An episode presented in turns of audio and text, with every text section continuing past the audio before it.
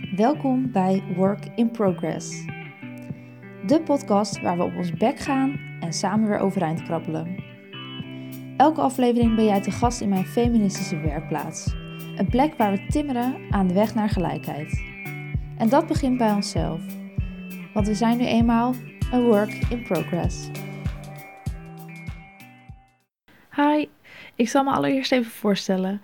Ik ben Sanne en ik ben nu afgestudeerd journalist, kan ik officieel zeggen, sinds een maand. En ik noem mezelf ook feminist, sinds anderhalf jaar of zo. Uh, toen ben ik begonnen met het lezen van Damn Honey.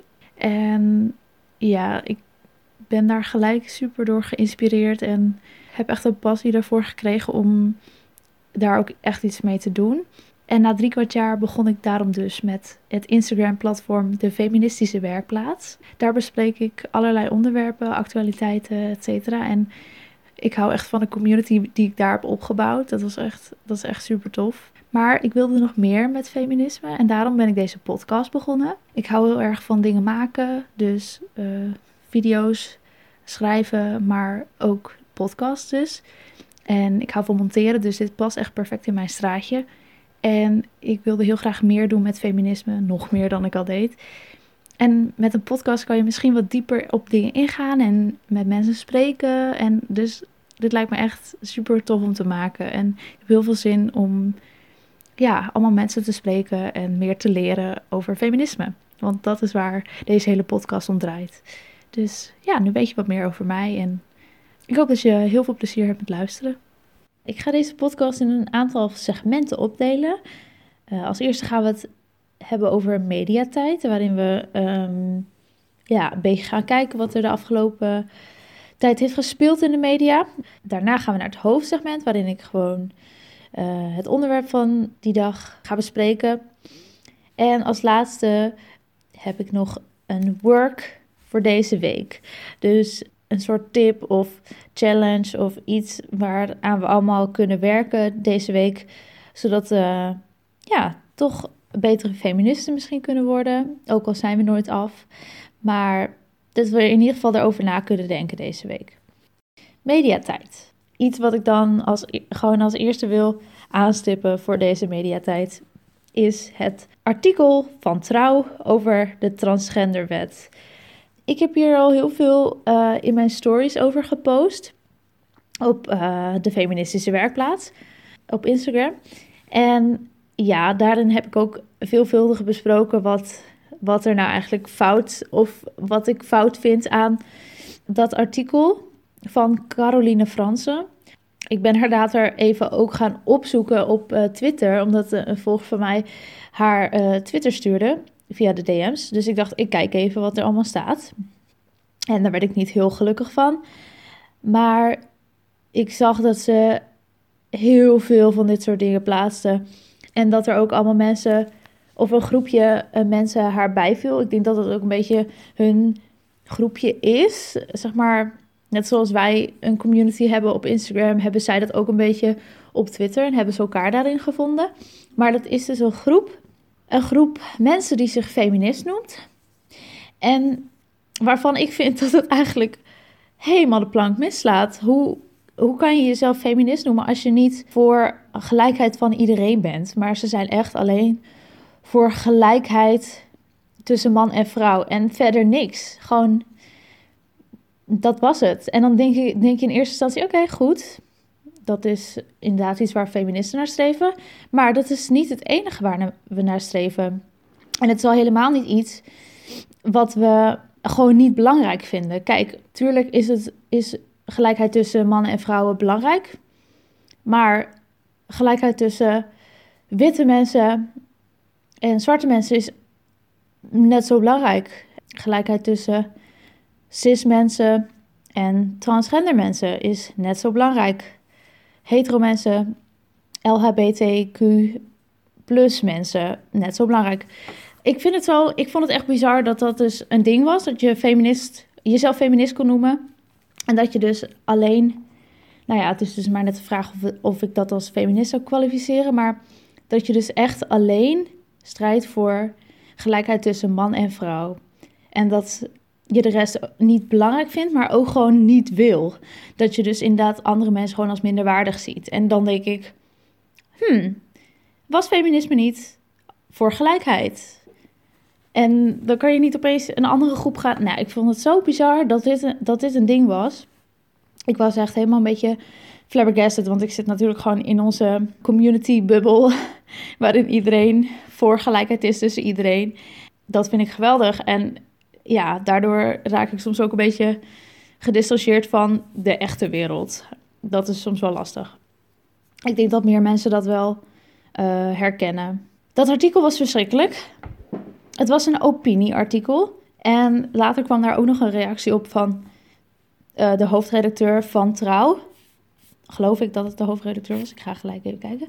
Ja, hoofdredacteur Kees van der Laan. Want we hadden allemaal massaal mailtjes gestuurd en gereageerd. Maar in het artikel wat Kees van der Laan had geschreven, zei hij niet dat hij zijn excuses, of zei hij dat hij niet zijn excuses wilde aanbieden. Uh, want het was opinie en het was niet hun mening. En er was veel aandacht besteed aan uh, genderdiversiteit in de krant. En nu wilden ze ook een keer een ander geluid laten horen. Ja, oké. Nou, ik weet niet zo goed wat ik daarmee moet. Maar goed, gelukkig plaatste, ze, plaatste Trouw ook een artikel van, uh, of een opiniestuk van uh, de mensen van Transgender Netwerk Nederland. Daarin werd dus weer tegenovergestelde van wat Caroline uh, zei besproken. En ik vond het heel fijn dat, dat ze dat ook tenminste nog hebben geplaatst. Want ja, ik was echt bang dat het gewoon. Nou, en nu zijn we klaar. We hebben dat gewoon geplaatst. Het was niet onze mening klaar ermee. Nee, ze hebben tenminste nog wel ook nog een stem gegeven aan de transgender uh, gemeenschap. Maar goed, het was gewoon, ja, ik weet niet. Ik kan niet zoveel, ik kan hier gewoon niet zoveel mee. Want ja, je mag natuurlijk alle meningen laten horen in Nederland. Maar Kees van der Laan zei in zijn artikel dat er niet werd aangezet tot haat. en daar twijfel ik heel erg over. Want um, er mag niet in worden gelogen of tot haat aangezet. Mensen mogen niet onheus worden behandeld. Met deze criteria besluit de opinieredactie artikelen te weigeren. Nou dacht ik, ja, um, volgens mij, ja, er werd gelogen. Eigenlijk wel, want er was gewoon, uh, Caroline bedacht gewoon scenario's die niet bewezen konden worden. Of tenminste waar geen onderzoeken voor naar voren kwamen.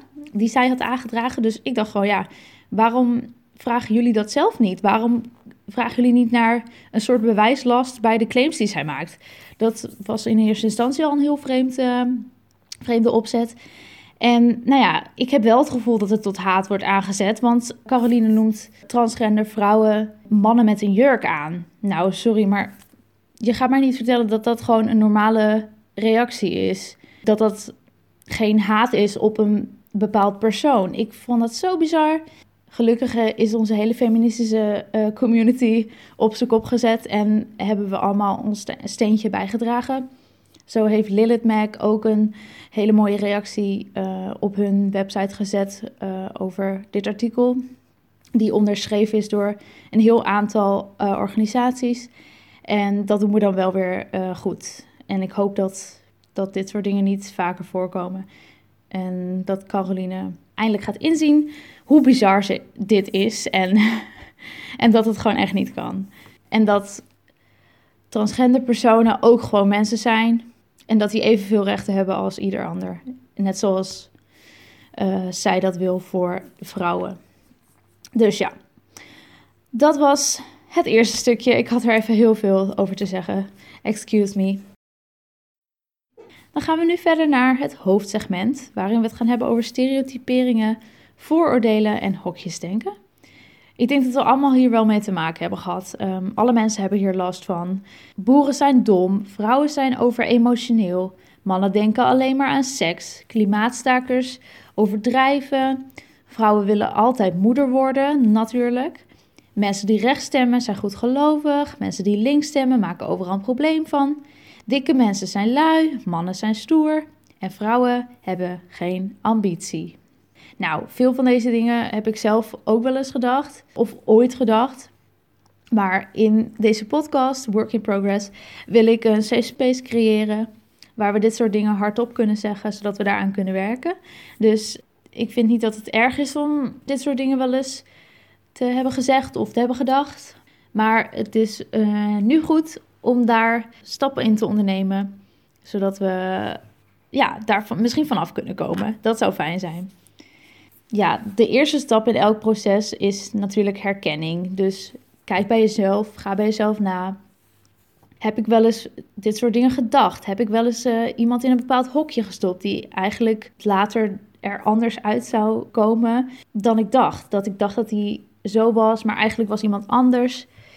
Of dat ik iemand op voorbij zag komen op straat en dat je dacht: mm, ik weet niet zo goed of ik die kledingkeuze zou maken, zulke soort dingen. Misschien heb je dat wel eens gedacht en dat kan gewoon, dat kan gewoon voorkomen, dat is oké. Maar ga bij jezelf na of je dat bij jezelf herkent. En het is goed om daarna erover na te denken dat deze voordelen en stereotypen niet zomaar uit de lucht komen vallen. Ze zijn door de jaren heen zo ontstaan in de maatschappij en die maatschappij heeft een enorme grip op ons. We krijgen van alles mee vanaf het moment dat we geboren worden, dus dat heeft zoveel invloed op ons. Als baby heb je waarschijnlijk bijvoorbeeld wel, uh, als, als je een jongen bent, mm, kreeg je Lego en moest je met blokken spelen. En als meisje kreeg je een Barbiepop of zo'n pop waar je de haren van kon doen. Uh, dat, nou ja, dat soort dingen krijg je gelijk dus al mee dat jongens op een bepaalde manier moeten zijn en meisjes op een bepaalde manier moeten zijn. Al die invloeden vormen ons denkpatroon en hoe we de wereld zien, maar bovenal hoe we andere mensen zien. Het maakt je dus niet per se tot een slecht mens, vind ik, als je soms een bepaald stereotype aan iemand verbindt, als je dat maar kunt herkennen en er vervolgens vanaf kunt stappen. Die stereotypen kunnen ook zorgen voor bepaalde hokjes we proppen mensen erin om ze te kunnen begrijpen. Want alles wat afwijkt, dat snappen we niet. En daar zijn we als mensen zo bang voor op een of andere manier. Dat is gewoon heel vreemd en dat, dat hebben we gewoon. Maar zo'n hokje kan voor sommige mensen uh, misschien prettig zijn. Denk aan een stoere man die heel fijn vindt um, dat hij in het hokje man wordt geplaatst. Maar misschien heeft hij, maakt hij wel eens een moment mee in zijn leven waardoor uh, hij zijn gevoelens wil uiten, maar niet het, het, gevoel krijgt dat hij daar niet over mag praten.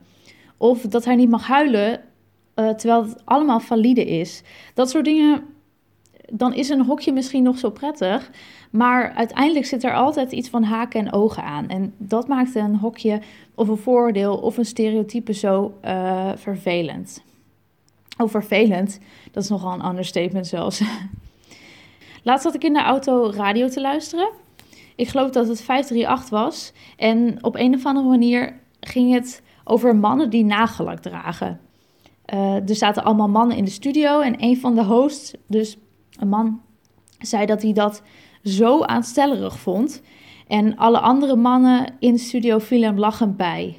Dat vond ik zo heftig om te horen dat ik dacht: hoe kan je nou vallen over een beetje een bepaald kleurtje op een nagel. En dat dat niet bij een vrouw is, maar bij een man. Hoezo kan je dat zo, zoveel doen dat je daar echt iets op de radio iets over moet zeggen?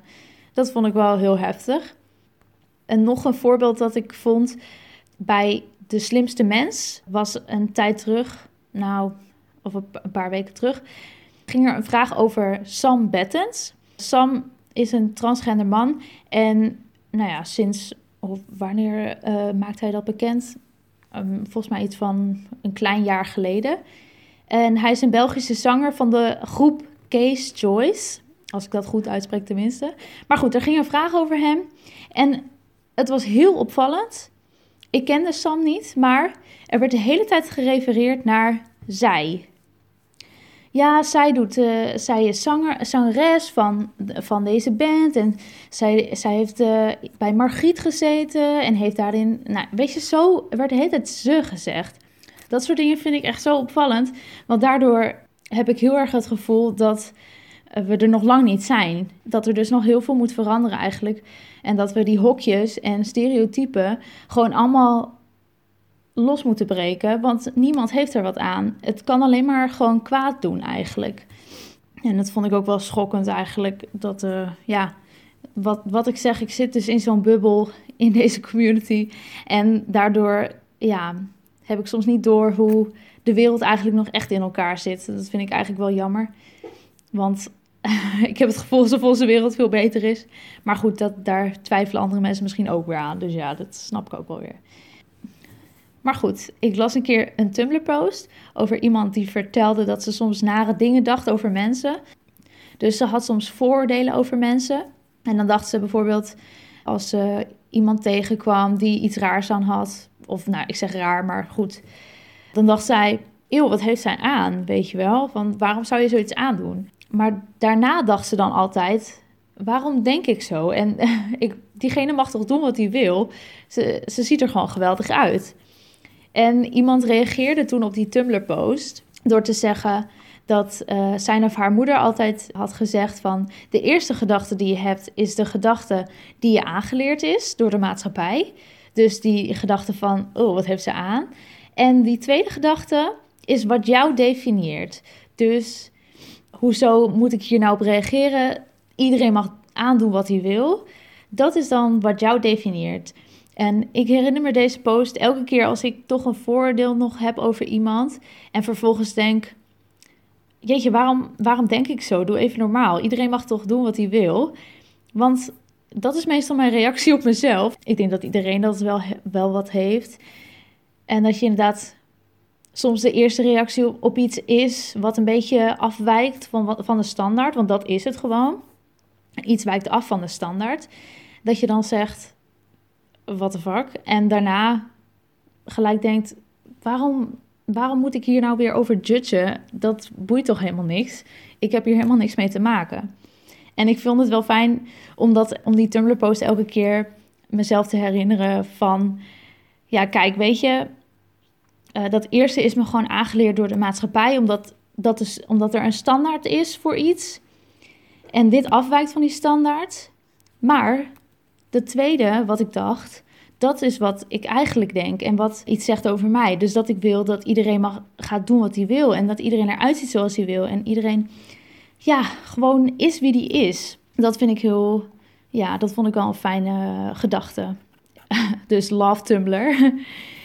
dus de conclusie, als je nog eens een veroordelende of stereotyperende gedachte hebt, bedenk jezelf dan, dit ben ik niet zelf ik ben geconditioneerd door de maatschappij om dit te denken. En daarna kun je dus denken: feminisme draait volledig om gelijkheid. En ik wil ook dat iedereen dus zichzelf kan zijn. En dat ik iedereen op een gelijke manier behandel. Ook als ze er anders uitzien, ook als ze afwijken van de standaard. Iedereen die buiten de hokjes huppelt, die zijn eigenlijk gewoon fucking goed bezig. En die geven geen fucks van wat de maatschappij van hun denkt. En dat is precies wat we willen binnen, de, binnen het feminisme. En daar sta ik ook echt voor. Dus doe wat je wil of laat wat je wil en laat niemand je vertellen hoe je je zou moeten gedragen. Work deze week. Dus wat gaan we deze week anders doen? Nou, allereerst vond ik dus wel een goede om bij jezelf te herkennen of je voordelen hebt. En daarna bij jezelf na te gaan: nee, dit is niet wat ik wil, want feminisme draait om doen wat je wil, laten wat je wil. Dus iedereen moet gewoon lekker doen wat hij zelf wil. Dus herken die stereotypen bij jezelf en draai het dan om. En misschien een andere goede uh, challenge voor deze week is als je met vrienden of vriendinnen bent of familie of zo, dat je niet zoveel kritiek geeft, maar dat je juist complimenten geeft over de dingen die misschien wat meer afwijken van de standaard. Dus als ze lekker buiten de hokjes huppelen. En als een vriend van jou nagelak op heeft, gewoon zeggen hoe cool dat eruit ziet. Uh, wat een toffe kleur dat is bijvoorbeeld. Dat soort dingen kunnen al heel erg helpen, denk ik. En dat is gewoon ook fijn om eens te horen dat dingen die afwijken ook een compliment waard zijn. Dus dat is misschien wel een goede challenge of work voor deze week. Dat was hem voor deze aflevering. Ik hoop dat je het interessant vond en dat je nog wat hebt opgestoken. Het is misschien een beetje een, een voor de hand liggend onderwerp en waarschijnlijk weet je ook al veel over stereotypes en dat soort dingen. Maar ik vond het ook gewoon voor deze eerste aflevering wel leuk om nou ja, iets hierover te praten en misschien niet te, al te ingewikkeld te beginnen. Wil je me nou een berichtje sturen of volgen op Instagram? Dan kun je me vinden op de feministische werkplaats. Daar mag je me altijd DM'en of reacties achterlaten. Ik uh, post wekelijks over verschillende dingen binnen het feminisme. En in mijn stories ben ik nog actiever, dus zeker de moeite waard om eens te kijken. Dan hoop ik je de volgende keer weer terug te zien. Of eigenlijk, ja, dat kan niet echt, maar dat geeft niks. In ieder geval hartstikke bedankt voor het luisteren en tot de volgende keer.